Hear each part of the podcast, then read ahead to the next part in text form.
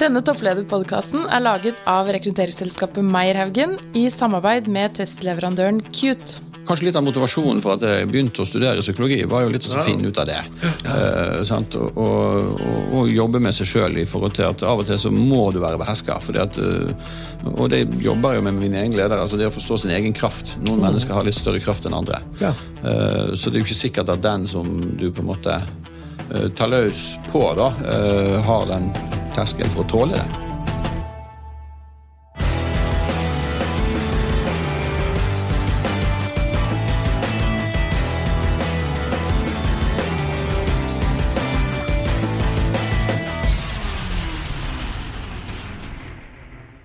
Ja, Sverre. I dag er vi så heldige at vi har med en veldig spennende gjest i studio. Ja, og jeg, jeg tror kanskje nesten en ny bransje. Ja. Eller ikke helt. Men vi ønsker i hvert fall velkommen til deg, Jan Arild Kingsvik. Takk for det. Og for de som ikke har hørt om eh, deg før, da. Det er kanskje noen, eh, men eh, hvilken bedrift er det du er toppleder i?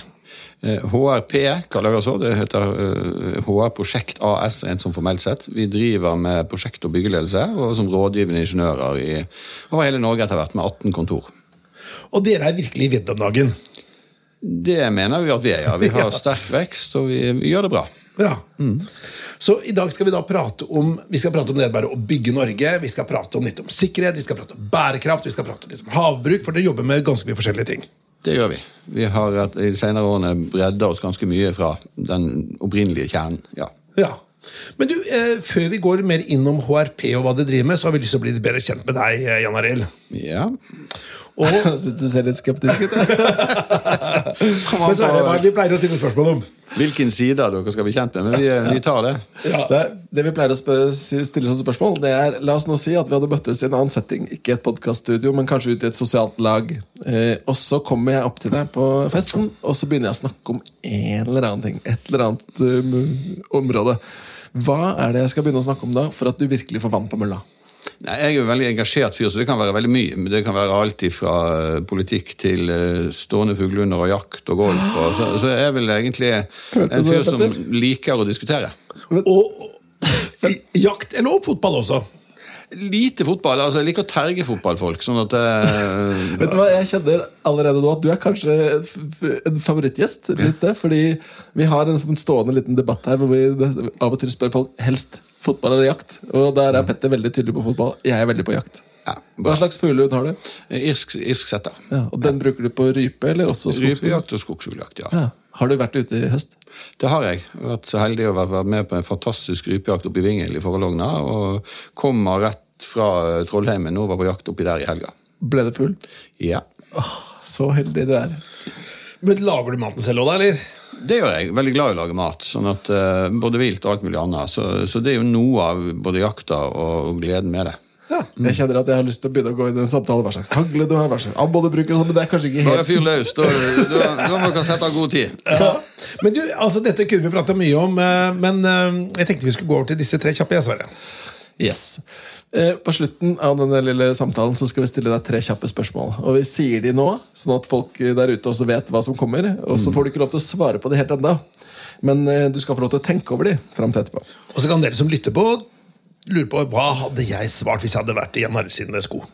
Det første vi skal stille om av de tre kjappe, er hva er den største tabben du kan gjøre som toppleder? Og da må du gjerne krydre den med noen personlige historier, i den grad du har noe. Nummer to, hva er din kilde til inspirasjon i jobbhverdagen?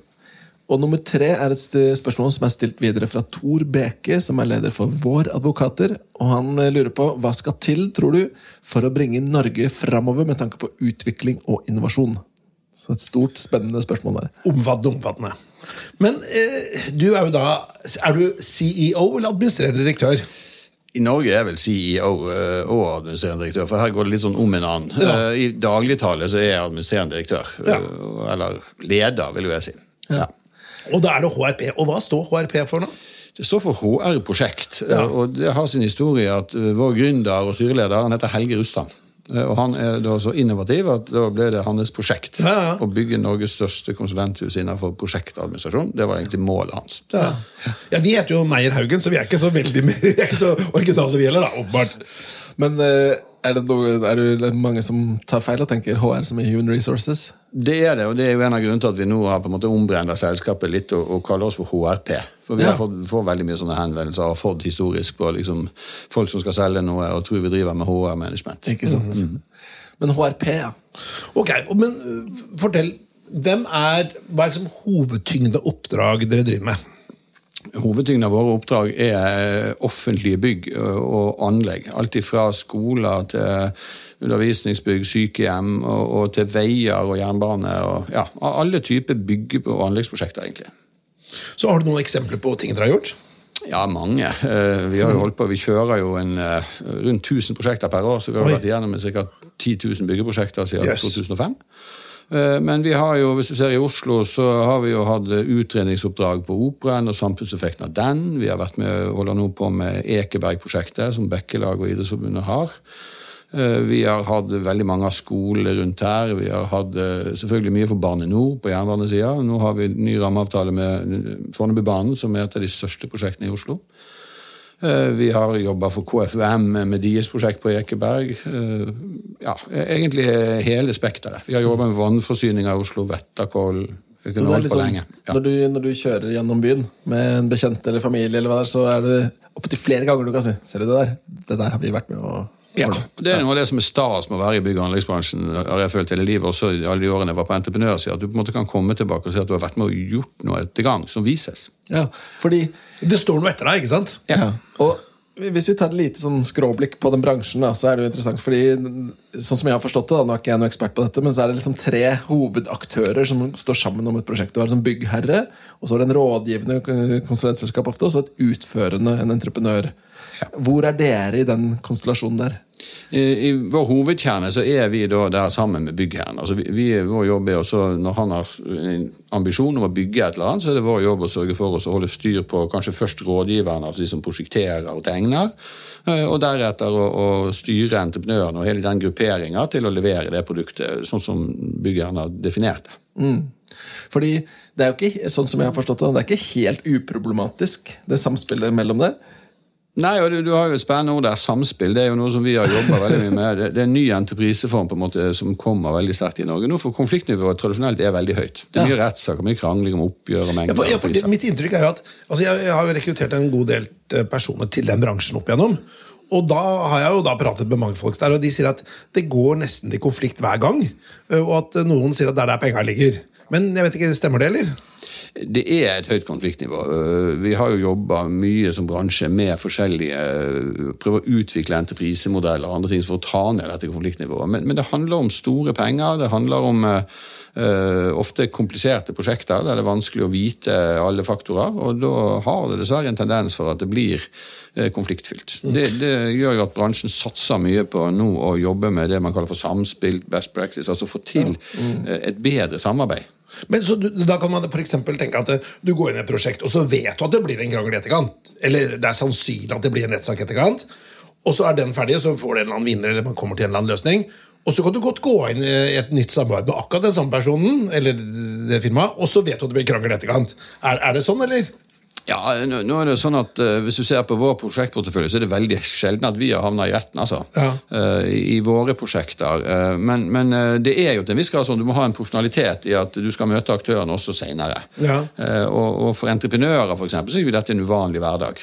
Men er fordi hvis du tenker på I den grad vi sier at det har vært kanskje mer konflikt enn det kunne vært, der det burde vært, er det byggherre som taper på det her, eller? Ja, eh, Egentlig så taper alle parter på det. Du kan si at Entreprenørbransjen i Norge taper jo store beløp på risiko og uavklart hvem som skal bære risiko. Sant? Sånn at eh, Det er ikke noen hemmelighet at de sliter litt med marginene, og de fokuserer da veldig på risikodelen. altså at dette er vanskelig. Men så taper jo selvfølgelig hele samfunnet og byggherren på det hvis det blir dyrere enn det han hadde tenkt. Ja. Så det er rådgivende som sitter igjen som vinneren, eller? Fordi de Nei, veldig ofte eh, ikke det heller. Altså, vi, vi, vi opplever vel i en verden at rådgiverne også ofte blir ansvarliggjort eh, for store deler av dette. altså Det man kan kalle for prosjekteringsfeil. da. Ja. Ja. Men nå tenkte jeg å prate om at dere jobber jo med veldig mye forskjellig. ikke sant? Eh, Dere jobber både med, Det er en stor satsing på sikkerhet. eh, Dere jobber med bærekraft og havbruk. Hva er årsaken til at eh, dere går på liksom en sånn utradisjonelle bransjer da, til sånt, eh, for å drive med bygg og anlegg? Nei, det er vel eh, Kan du si det, Vi har jo gjort noen ting som ikke så veldig mange andre gjør, men, men vi har eh, lagd oss en visjon som heter at vi, vi, skal være Norges viktigste samfunnsbygger. Det handler jo om å ha en helhetstenkning rundt at det vi gjør, er å bygge et samfunn. Om det nå er en vei eller en skole, så har det en funksjon. Uh, og, og, for oss så, så er det å se helheten i det ganske viktig. Og så endrer jo verden seg. sånn at uh, Miljø og bærekraft uh, er vi nødt til å ta på alvor. Vi er nødt til å utvikle kunnskap. Uh, eller sikkerhet, så blir det litt det samme. verden har endret seg. Vi er nødt til å tenke sikkerhet rundt alle offentlige bygg og rundt det vi gjør. og da må vi ha kunnskap. Og da må vi på en måte tørre å satse.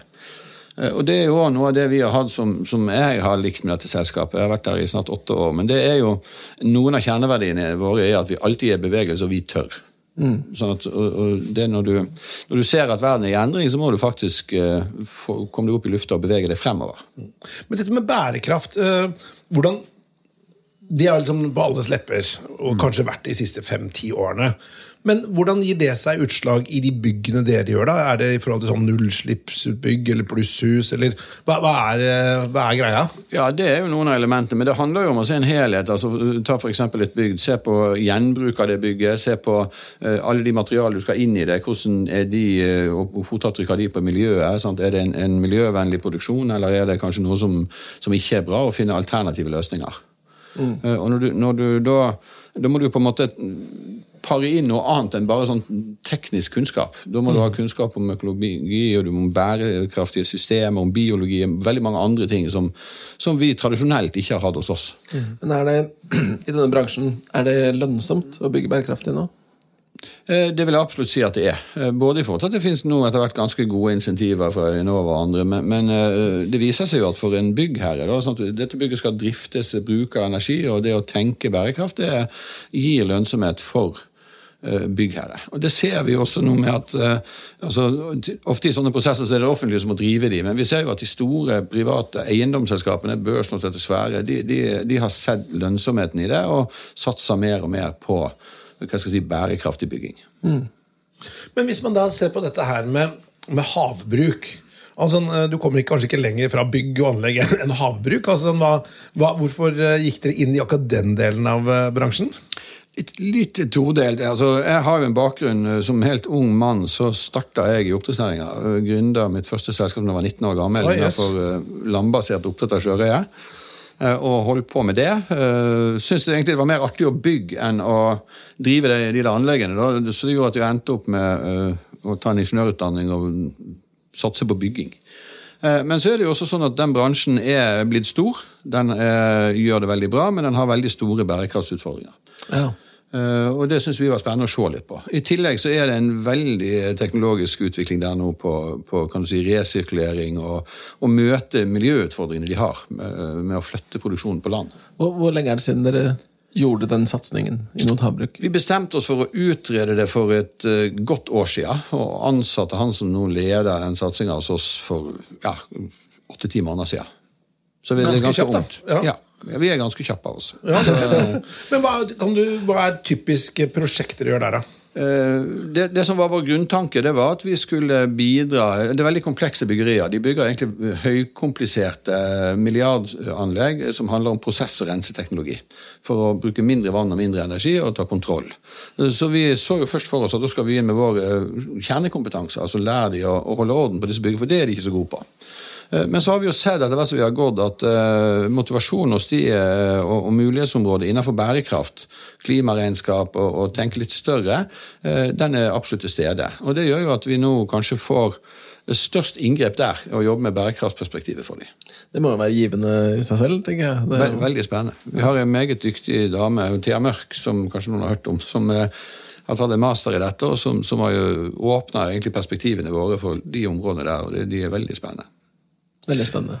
Men, men, du, jeg tenkte vi skulle bare eh, prate litt om dette her med, med disrupsjon av din bransje. ikke sant? Sånn som vi hadde for eh, ja, det begynner vel et halvt år siden, kanskje mer, så, så spurte vi um, en som er sjef i et stort, anerkjent amerikansk konsertselskap, BCG. Og da spurte vi hvordan var, var liksom disrupsjon av hans bransje, da, konsulentbransjen. Da sa han at det, før så var det det at da holdt det med å gi et råd. Det var det konsulentbransjen skulle gjøre, og så var det litt opp til eh, oppdragsgiver om de skulle følge rådet. Så det var en, nå måtte de da måtte mer passe på at de implementerte det også. Hva vil du si på at det er den store disrupsjonen i din bransje? Du har jo vært i den bransjen i noen år. Hvordan var det for ti år siden, og hvordan vil det være om ti år? Hva vil være de største forskjellene, tror du? De største forskjellene er at det, det blir mer krevende for oss å, på en måte levere og stå for det. Eh, Du kan si at eh, Det har vært litt sånn som du beskriver det fra det amerikanske sida, at vi har vært og Vår bransje var nok vært veldig sånn tydelig definert som byggerens rådgiver, så man fikk være ganske i fred. Ja. mens nå ser vi jo at eh, det, er ganske strenge krav til leveranse, det er ganske strenge garantikrav. Du må på en måte, eh, Det du prosjekterer eller tenker eller gjør, det må du stå for, og det kan du fort bli ansvarliggjort for. Så det er vel en av de store endringene. Er det mer regulert? Er det det du sier da? Ja, Det har vært regulert i mange år, men, men eh, fokuset fra eh, vil jeg si, byggherres oppdragsgiversida på at vi også skal være ansvarlig for alle våre tjenester og det vi gir av råd, har blitt mye sterkere. Så, men jeg tenker at eh, Hva vil du si er liksom eh, vinnerne av denne bransjen om ti år? da? Hvordan må de tilpasse seg? For en ting er at liksom, jo, det har blitt mer komplekst, og sånn, men hva, hvilke grep tar dere nå for å kunne liksom, være top dog om ti år? Det handler om det å, utvikle seg. tror jeg. Altså, innovasjonsfarten går mye mye fortere i, både i samfunnet og i bransjen. Vi har en eh, digital revolusjon på gang. Vi har en bærekraftsutvikling og et hensyn til det som gjør at vi må skaffe oss annen type kompetanse. Og jeg tror på en måte at Vinnerne blir de som, er, som evner å bevege seg, som det, som det på en måte alltid har vært både i vår bransje og andre. Så, så du må hele tida være i stand til å, å se litt inn i glasskula, og, og, og kanskje se at de folkene som var eh, hva skal jeg si, stjernene våre for ti år siden, altså en veldig flink sånn, faglig byggeleder eller en teknisk person, kanskje ikke er den viktigste i fremtida. Men kanskje mer eh, folk som er gode på digitalisering, folk som er gode på, på andre fagområder. Det var, det var for øvrig det andre BCG jeg trakk fram for å bare ta den sammen. Det var jo denne digitale bølgen. Alt Ja. handler om det nå. Ikke sant? Men eh, et, et kjapt spørsmål. Eh, Jeg må bare dele en, en observasjon jeg har gjort. Fordi Vi har en nabo som driver og bygger et hus ved siden av oss. Og så ble jeg så overraska, fordi når de bygger opp det huset nå, så ser det ut som de bygger Lego. De har noen sånne isoporklosser som til forveksling ser ut som legoklosser. Og Først så trodde jeg det må være noe rammeverk, men det ser jo nå ut som det er faktisk byggmateriale. Er det noe du kjenner til? For det er, er det, Ja da, det er eh, forskalingssystemer og bæresystemer som er på en måte byggeklossorientert. Vi har jo vært i en del år, men det kommer mer og mer det vi kaller for prefabrikkerte løsninger. da. Eh, Sånn at det det er liksom trinn én. Trinn to er jo robotbygging. Ja. Der eh, man erstatter håndverkeren med roboter som murer eller, eller som monterer plater, eller ja. Der, der er det prinsippet er sånn at eh, en rådgivende ingeniør sitter og beregner et eller annet på PC-en sin, eh, og så gir han styringsdata rett ut til en eller annen form for robot som gjør jobben. er, det, er det her, eller kommer det? Det er på tur, eh, og, og test- og pilotprosjektene rundt alt fra 3D-printing til robotbygging er jo i gang, også i Oslo. Ja, Spennende. Men for det er jo det, en av de tingene vi diskuterer, Sverre, det er at hvilke yrker er vil raskest bli erstattet av roboter. da. Ikke sant? Man prater om selvkjørende biler, busser. Eh, vi har også til og med pratet om roboter som kan ta over vår jobb, altså jobbe med headhunting. Og da åpenbart også roboter som kan da overta forskalingssnekkeren og mureren og, Ja. og kanskje rørleggeren og elektrikeren, for hva vet jeg. Og det tror jeg vi må bare erkjenne at det kommer. Eh, og det kommer fort. Det er jo det som kjennetegner sånne altså det jeg sier, Innovasjonsfarten er så mye større i dag. Sant? Sånn at eh, De som tror de har god tid på seg, de, de tror jeg bommer. Når, når, tid, hvis du skulle sagt eh, legge huet litt på blokka da, og skulle sagt at eh, hvis du skulle bygd et stort hus, da, eller ikke, ikke bolighus, men altså en, en bygård eller et, sånt, et, et svært eh, et kjøpesenter eller et eller annet, litt av litt størrelse hvor langt fram i tid er det for at det ikke er en eneste person på den byggeplassen? da? Det vil bare være roboter og, og, som, som styrer, og så er plutselig huset ferdig? Hvor lang tid tror du det er fram i tid? Det tror jeg er nok eh, fort eh, 10-15 år frem i tid. Eh, Ja. Før vi ser stor grad av innslag av, av robotbygging og på en måte mer prefabrikkering og raskere byggetider. Det tror jeg fortere. Kanskje allerede om tre-fire år. Men hel, eh, robotisert, vi har jo noen helse-, miljø- og sikkerhetsaspekter. Og så er det jo spesielt eh, Og noen vil jo si at det eh, burde bransjen tenke seg om, men, eh, når man bygger noe, så skal jo alt være unikt hver gang. Altså Byggebransjen er jo en type bransje som sammenligner med alt mulig annet fra mobilproduksjon til biler, så, så er det jo veldig standardisert og tilrettelagt for å bli robotisert. Mens eh, hvert eneste bygg i det her landet, og hus, skal jo være spesielt. Ja.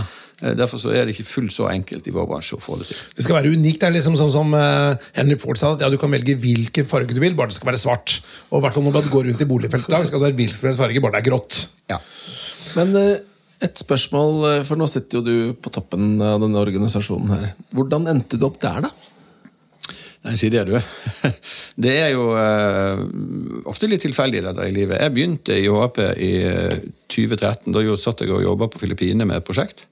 Og, og av familiære årsaker fant ut at nå var det på tide å dra hjem. Og, jeg hadde en sønn som var kommet i puberteten og andre ting. Og så eh, gikk jeg rett og slett på Finn og så på eh, hva er i bransjen hjemme nå. Eh, Og da lå disse her HR-prosjektene og dunka på alle sider. Sjekka de og så at de også tjente penger. Det var et poeng for meg. Eh, Og syntes det var et spennende selskap. Men da var egentlig avtalen med, med både styreleder og, og eier Jeg var veldig tydelig på at jeg skal ikke være leder. Jeg har lyst til å jobbe med faget mitt.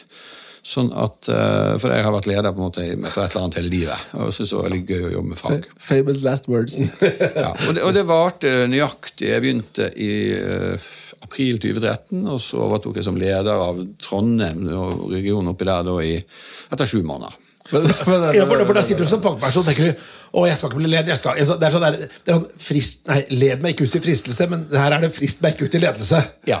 Det var litt sånn akkurat Ja, Det ble rappa av Frode Haaland. Men, men, men altså april til november. Sju måneder tok det. Hva var det som gjorde at du skifta mening så fort? Det er vel at jeg er en engasjert fyr, sånn at når jeg følte at det var nødvendig at noen tok eh, tak i det der, så, så gjorde jeg det. Og så var det vel noen som så at jeg fikk det til også. også. Ja, for du, ikke sant? For det, som- det som er ute på jakt etter her, da, det er litt det toppledergenet som denne handler om. ikke sant? Du sier den her, jeg skal bare jobbe som fagperson. Og så ser du ah, herregud, hvorfor gjør du det på den måten? Ja, men Det blir helt feil. Og du klarer ikke å sitte og se på mismanagement. da. Du klarer ikke å se på de gale strategiske valgene.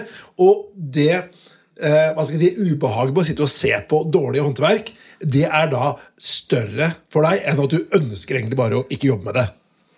Ja, øh, det er nok litt sånn. Jeg, liker jo å få realisert det jeg tror på, og har jo meninger om mangt og mye. sånn at øh, det å bygge ting syns jeg er veldig gøy. Og så hadde vi en gründer, og ikke bare hadde vi har altså en fyr som eh, Vi tenkte veldig likt, vi, vi passa veldig godt i hop. Så ble det sånn at jeg øh, bygde opp regionen, og det utafor Oslo i tur og orden. Først Trondheim, og så Region Nord, og så ville de ha meg til Bergen, så tok jeg Region Vest. og og så kom spørsmålet i 2016 da om jeg ville overta hele selskapet. Og, og, Hva tenkte du da? Sånn der magefølelsemessig. Hadde du egentlig gått og venta og håpa på det, eller? nei, det hadde jeg egentlig ikke. Eller frykta det, du visste det kommer, men det du bra. frykta det. Jeg, jeg hadde jo ansvar for som sagt, alt utafor Oslo, og samtidig som jeg var sentral i ledergruppa i Oslo. Så Det det lå var litt i kortene? Ja. Og så uh, tenkte jeg at yes, det gjør vi. Ja. Men hva, hva tror du du Hva er det du har som de så hos deg, da? Altså, sånn, er, det, det fagkunnskapen? Er det personligheten? Er det at du er flink med folk? Er det at du er visjonær? Hva er det liksom Eller er du bare flink til å stokke penga, eller hva er det liksom? Nei, hvis jeg, hvis jeg hadde spurt kona mi, så fikk jeg i hvert fall ikke attest for å være flink å stokke de pengene. Men, eh, men eh, nei, altså, det, det handler vel om en kombinasjon av det, tror jeg. Eh, Altså, det, det, jeg har alltid vært interessert i folk, og så har jeg vel mer energi kanskje enn de fleste. Jeg, har jobba litt med mennesker også i mitt liv. og og Ja, for interessert Du har psykologibakgrunn. Jeg, Ja. jeg tok og gula og snoka Ja. litt i personalmappa di. holdt jeg på å si Og da sier jeg at du er jo, Det er jo engineering og sånn du jobber mest med, men så tenker jeg at du har også to år som psykologistudiet ved NTNU. Stemmer det? Nei, ved Universitetet i Tromsø, ja. Ja, Tromsø. Ja. Mm. Ja, det stemmer. og Da hadde jeg en periode der jeg hadde det som, eh, der jeg jobba i Aleris-systemet og jobba med vanskeligstilt ungdom og syntes det var utrolig gøy. Men jeg engasjerte meg såpass hardt i det at jeg fant ut at det ja. ble litt mye. Ja. Så det, ok, Kan vi ane en litt sånn antydning til at du Empati? Altså Ja, det vil jeg jo påstå at jeg har. Og så har jeg jo en evne til å bry meg om alt mulig både skal og ikke skal. Så, men mennesker interesserer meg jo generelt. men, men la meg spørre, da. For da har vi altså nå, Petter, nå bare oppsummerer jeg litt. Vi har en leder her som egentlig var ingeniør og ville ikke være leder, og så ble han leder likevel etter sju måneder. Og så tok det noe, så fikk han litt mer her og litt mer her, og så får han spørsmål om vil du lede hele sjappa. Og så ender han opp som leder. Hvordan er det å være på toppen? Er det, har det vært tøft? Har det vært tøffere enn du trodde? Er det akkurat som du trodde? Nei, det, det, det, I perioder så kan du jo føle kanskje at det er litt i overkant, men, men jeg har egentlig aldri reflektert sånn over det. Jeg har jo vært i de posisjonene før. og har jo begynt å bli voksen litt seint moden, da, men nå er jeg jo noen og 50 år, og jeg, syns egentlig det er veldig gøy. Og hvilke situasjoner Og da er vi litt sånn, for det finnes jo eh, Veien til toppledelse er strødd med mellomledere som hadde lyst. Men mm. når du snakker om noen ganger er det litt i overkant, hvilke situasjoner er det verst eller tøffest eller mest i overkant? Nei, det, det, handler jo rett og slett bare om arbeidsmengde og hva man sjøl vil. Og jeg, og jeg, vil jo mye, da. Eh? Og det gjør jo at man uh, sier kanskje ja til å, å, sette i gang en del prosjekter som gjør at stokken blir litt full. Ja. Og så tar det bare mye tid. Men jeg er, er du sånn klassisk ja-menneske, eller? Eh, blir det? Jeg var jo ikke det. Jeg så ja, menneske og, og kronisk tidsoptimist og litt hybris. Da, ja. da, da, er du Da er du inne på det. Så, og bergenser. Ja. ja. Men et sånn klassisk spørsmål av en toppleder. da, er, uh, Du har jo da egentlig skomaker blitt en lest. Du har jo primært jobbet da innen bygg, anlegg, engineering. ikke sant? Ja. Men uh, så er det et, uh, et sånt dilemma. da. Tror du, du, tror du at toppledere da, kan være toppledere for hva som helst? Eksempel, kunne du vært sjef i Nav? Kunne du vært sjef for, for en, en, en helt annen bransje? Tror du det? Jeg tror det kunne vært det for andre bransjer, ja. Men, men, jeg tror nok at jeg ikke passer inn i store byråkratier og tungvinte systemer. Ja. Altså, Da eh, får jeg litt hetta. Ja. Eh, så jeg må på en måte ha tror jeg, da, ganske stor påvirkning på det jeg driver med, og føle at jeg har gjennomsnittskraft for at det skal være givende. Så da går det an å anta da, at siden du nå har hatt mulighet til å forme en organisasjon, så er det ikke så mye byråkrati hos dere? Nei. Nei. det er vi ganske stolt av. og Vi er ganske opptatt av at det ikke skal være heller. Så, så Uh, ikke for Det det kan godt være at Nav har det fantastisk, jeg kjenner ikke de så godt. Uh, men, men, sånne type store byråkratiske systemer de, de blir jeg litt sliten av. Ja. Men, men, ja, et, men, la oss si hvis du hadde snudd på det. da, ikke sant? Du mm. passer ikke inn i det. Men la oss si at du hadde blitt noen og bare sagt deg, du, Erna Solberg ringer deg og sier de, Jan Arild, fellow bergenser, jeg vil at du skal overta la oss si Nav da, eller en eller annen offentlig etat. Og sier, ja, nei, jeg vil ikke, jeg orker ikke, jeg har ikke lyst til det. jeg er inn dette her, men så er det en liten da, bak i huet som sier ok, det skal jeg få til. Er, er det sånn, eller? Det, det, kan fort skje, ja, at man blir trigga. Men et, eh, for Nav sin del så håper jeg at ikke det skjer. For det vil bli veldig store endringer på det. Ja, ja. Men det, det, poenget jeg prøver å få fram, da, det er at det er ikke sånn, vi driver og jobber med mye toppledere og, og spesialister. all verdens, da. og så, de flinke folkene, da, de vil ikke ha lett. De vil ikke ha smooth sailing eller skru på de små tannhjula. De flinke folka de vil jo ha vanskelig. De vil ha Wow, det, liksom, det, det, det, stikker litt i magen, og du får ikke helt sove. og det er, uh, ikke sant? Men det er, den, det er nærmest som et lite drug. da, At, at det skal være det vanskeligste. Det er sånn, Når man spiller på gaming, da, så, så, legger du på det vanskeligste nivået. altså Du går på diety, du går på liksom det aller tøffeste nivået. liksom, Og det er det de flinke er interessert for Det er der utfordringen ligger. da, Det er jo ikke smooth sailing.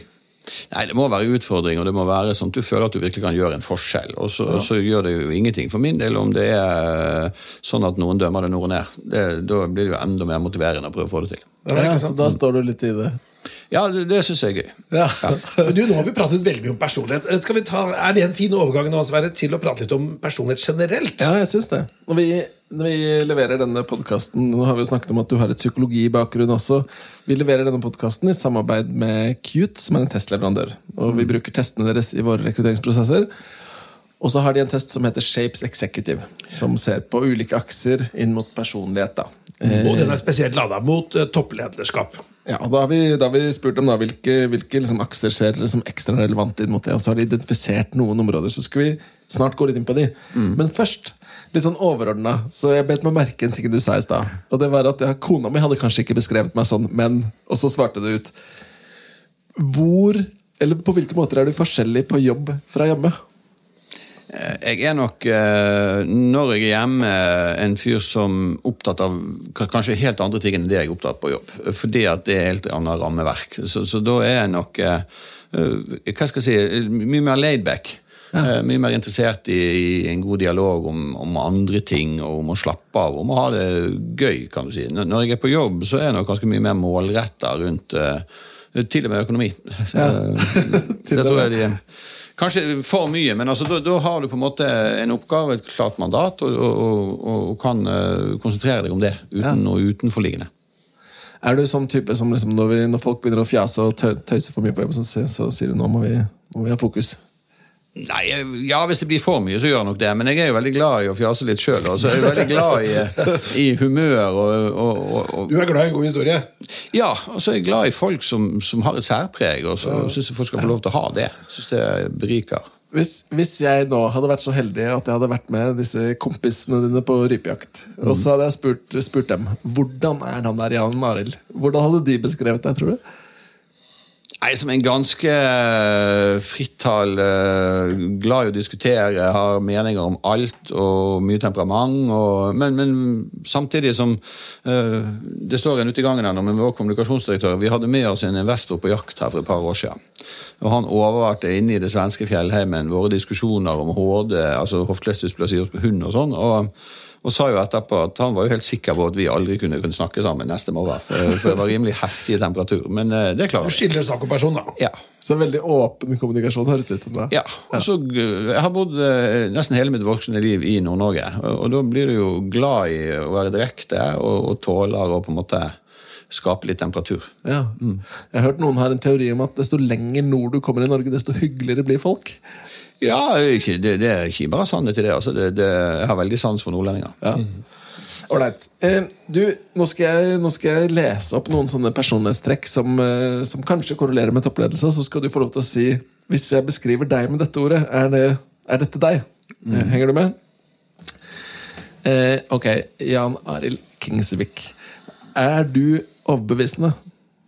Ja. Er du hensynsfull? Prøver å være det er nok ikke det alltid. Er du resultatfokusert? Ja.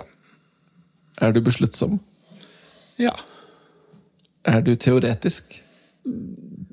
Lite. Altså På enkelte ting ja, men ikke i det store bildet, nei. Er du optimistisk? Jo, ja. den, den, den, var tydelig, ser det som. Er du behersket? Sjelden. Det er veldig artig. Siste. Er du entusiastisk? Ja. ja det visste jeg svaret på før jeg spurte, men det måtte spørre. Men uh, veldig interessant. Du er altså optimistisk, tydelig, sier du, eller du uttrykker det med kroppsspråk. Det kan jo ikke lytterne våre se. Uh, behersket? Nei, Jeg er veldig engasjert fyr. sånn at Jeg, har, jeg er jo kjent for å ha temperament og, og har av og til behov for å ha etter rom rundt meg hvis jeg f.eks. blir forbanna. Oh, ja. så uh, ikke, ikke, kjent for å være veldig sånn strigla og beherskende. Hva er det som gjør deg sint, da? Det kan være folk som ikke gjør jobben sin, eller folk som på en måte ikke holder seg til det vi har avtalt, eller uh, ja. ja. Sånn type ting. teller, teller, du til ti, da, eller? Veldig sjelden. ja. da, men da kan du slå neven i bordet der og da? Ja. Og det er jo det som av og til kan Altså, jeg blir bedre. Uh, når jeg gikk på folkehøyskole for veldig veldig mange år siden, så kalte de for meg for Mr. Hissig. Oh, ja. uh, da, da, var jeg veldig hissig. Altså ja. Sånn i type 16-17-18-årsalderen. Da var det nok uh, kortere lunte enn det nå. Om det er ja, mulig. Men, men kan, for det, det å hva skal jeg si, Det med å vise litt temperatur, litt følelser, det kan jo være en positiv ting. absolutt. Altså, Man er jo ekte da. ikke sant? Er man lei seg, er man sint, er man glad, så mm. ser man det. og Det er noe ærlighet rundt det. Mot i forhold til hvis man alltid skal være behersket. Men samtidig så er det jo liksom, det er jo grøfter på begge sider av veien her. Oh, ja. La oss si at du kan jo ha personer La oss si, er, Vi prater om Nord-Norge, da. og det kan mm. godt hende det er liksom litt sånn sånn stereotypi, men der er du litt mer som de tåler litt mer bruduljer. da, altså Litt mer direkte uh, prat og sånn. Mens for eksempel, kanskje på Sørlandet er kanskje også litt sånn uh, til stereotypier, da, men der er det liksom at Det var en som sa at 'jeg har aldri vært så forbanna, jeg var nesten så jeg sa ifra'. Mm. Uh, og, og, og, det er ikke sant, det er litt sånn forskjell på folk, da. Og, og kombinasjonen bergenser og nordlending, da sier man ifra. Men det kan jo være tøft for noen da, å høre på. ikke sant? Ja. Har du opplevd det at det har vært et problem? Eh, ja, det har jeg. Eh, og har med det. Kanskje litt av motivasjonen for at jeg begynte å studere psykologi, var jo litt å finne ut av det. Ja. Eh, og, og, og, jobbe med seg sjøl i forhold til at av og til så må du være beherska. Uh, og det jobber jo med min egen leder, altså Det å forstå sin egen kraft. Noen mm. mennesker har litt større kraft enn andre. Ja. Eh, så det er jo ikke sikkert at den som du på en måte uh, tar løs på, da, uh, har den terskelen for å tåle det. Og så, er det, ikke sant, og sånn, det merker jo jeg også, har vært leder i mange år, men ikke sant jeg kan også til noen, men En fleip og en kommentar fra en leder veier så himla mye tyngre enn hvis det er fra en sånn underordnet eller en, en sideordnet. Mm. Så man må være ikke sant? Ja, liksom, nærmest et blikk eller et kremt kan jo bli tolket Noen kan jo få helt hjertet i halsen. Ja. Uh, og i hvert fall du som er opptatt av psykologi, så det er liksom sånn sende mottaker og litt den biten der. Man må være litt oppmerksom på Man må det, og jeg er jo opptatt av det. sånn at jeg, jeg, jeg føler jo at eh, det på en måte ikke er eh, noe veldig stort problem. Og så er jeg vel blitt mer og mer flink til etter hvert også til, i den grad hvis jeg f.eks. blir forbanna, så, så å se det mennesket etterpå og snakke litt med dem og nyansere litt ting. Ja. Ja. Kanskje til og med si unnskyld hvis man Ja, det kan godt hende jeg gjør feil Det stadig vekk. Av nysgjerrighet, da, når du går inn i en sånn samtale, da, sånn, du har hatt en utblåsning, og så tenker du at nå må jeg bare Damage control, da må jeg snakke med vedkommende og bare kalibrere litt. Ja. Er det noe du gruer deg til den samtalen da, eller går du liksom Nei. Da føler jeg ofte at da, da er det det som skal gjøres. Ja. og man opplever jo da at man stort sett får god respons på det. Ikke sant? Så, så det er ingen som er ufeilbarlig, på en måte, og det å forklare at nå ble det litt uh, varmt Litt mye Møllerstrand. Ja, ja. det, Ja, det, det, det tror jeg er viktig. Så bra. Du, Petter, hva tenker du? Skal vi gå Ta mot, litt for de tre kjappe. gå mot de tre kjappe? Ja.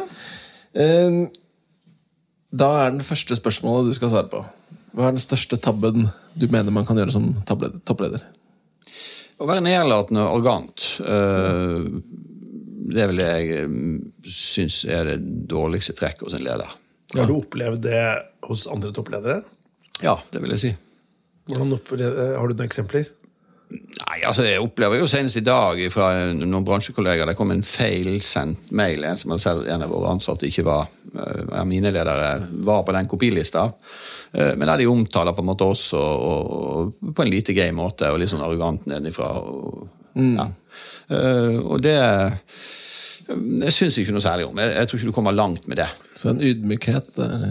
Ja, Være åpen og på en måte se mennesket og ikke være opptatt av posisjon. eller at du, sant? Snakke med folk som folk. Ja, ikke sant?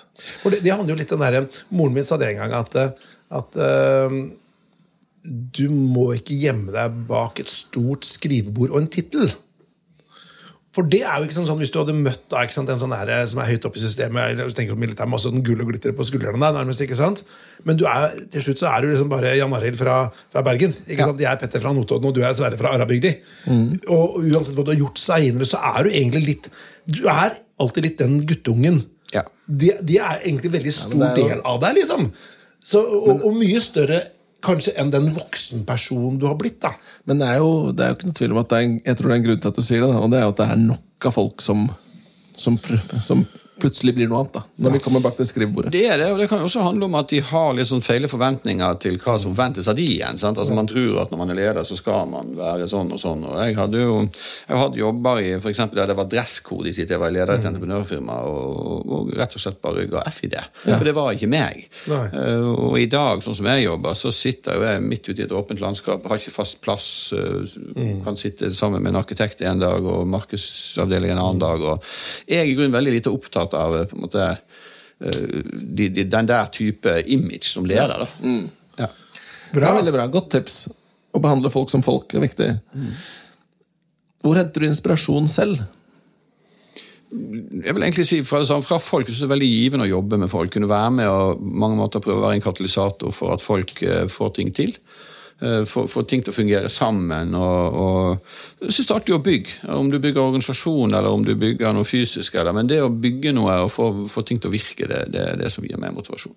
Så det å bygge noe Men ten, tenker du da, nå bare for å forstå, hands on, eller holder du at det er stort og abstrakt som et prosjekt? liksom? Det kan være begge deler. Det, altså, hos oss har vi for nå brukt tid et par år på Great Place to Work. altså Vi først måtte bruke litt tid internt på å få aksept for at vi skulle flytte ansattilfredshet som det viktigste eh, på vår prioriteringsliste. Ja. eh, Som selskap. Eh, Og så måtte vi begynne å jobbe med det. og det, I begynnelsen blir det ganske abstrakt. Hvordan skal du på en måte forbedre psykososialt arbeidsmiljø, humør og andre ting. Og Men så fikk vi en struktur på det, begynte å jobbe med det. og Veldig tilfredsstillende når vi da nå i år klarte å bli sertifisert, og så at vi fikk kraftige forbedringer på, på det. Så for å forstå Jeg syns dette høres veldig kult ut. Men da betyr det egentlig at det, når du snakker om er inspirasjon i å bygge ting, da, så handler det om egentlig at du setter deg et eller annet mål, og så jobber du egentlig systematisk eller over tid, og så ser du at du får progresjon på det. Ja. Ja, kult.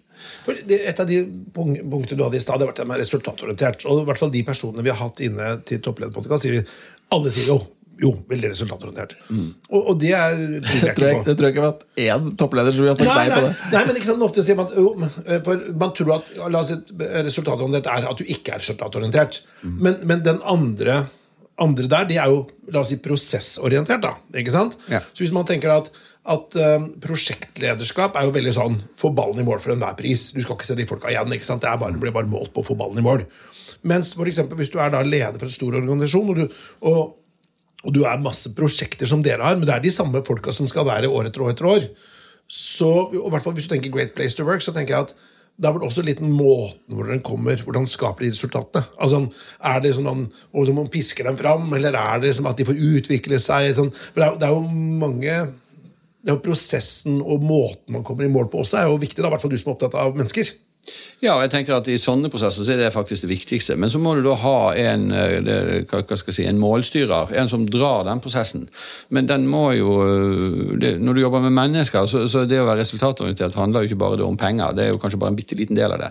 Men det å skape de prosessene og, og, og på en måte den samhandlinga som gjør at det etterpå blir penger av det også. Ja. Så du må klare å ta med deg den helheten. da, hvis du skal få det til. Ja, et eksempel eh, sorry, Sverre. Et eksempel Det var han der Kjetil Jansrud som jeg sa på et intervju. Og så sa han at eh, han var toppidrettsutøver og har jo stått på, og fått OL-gull i alpint. Og han sa at eh, ja, det er jo gøy å få det gullmedaljen. Altså resultatet. ikke sant? Men han sier resultatet er ikke i nærheten å være verdt det. Altså Tenk på alle de titusenvis av timene han helt fra han begynte med idrett, og oppofrelse. Altså, den OL-medaljen er ikke i nærheten av å være verdt den forsakelsen. Så det er jo prosessen, som han sa. at Han har jo likt prosessen. Han har jo likt å være på trening, han har jo likt å treffe kompiser, han har likt å være i konkurranser. Men det er den siste, å få, få medaljen rundt halsen. Altså at, nei, Det var ikke så viktig, men det var prosessen han syntes var stas. da.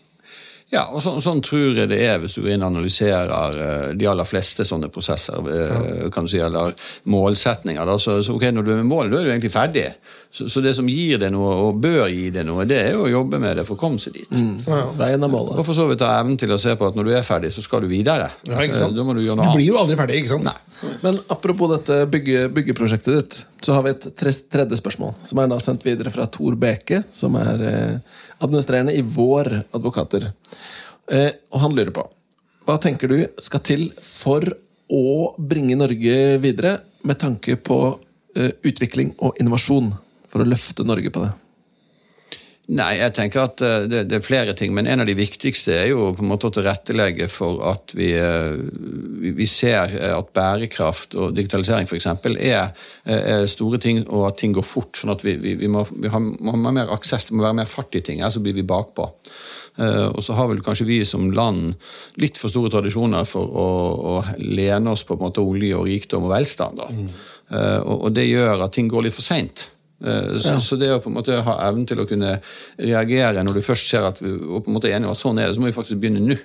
Vi, vi har ikke tid til å vente. som er. Er det politikerne sin jobb, eller er det gründerne sin jobb? Eller? Det er vel begge deler. Jeg oppfatter vel at gründerne er ganske flinke. Og, men, men det er jo liksom betimelig. Hvis du ser på elbil, eksempel, så var altså Norge vi var verdensledende, ja. men litt for tidlig.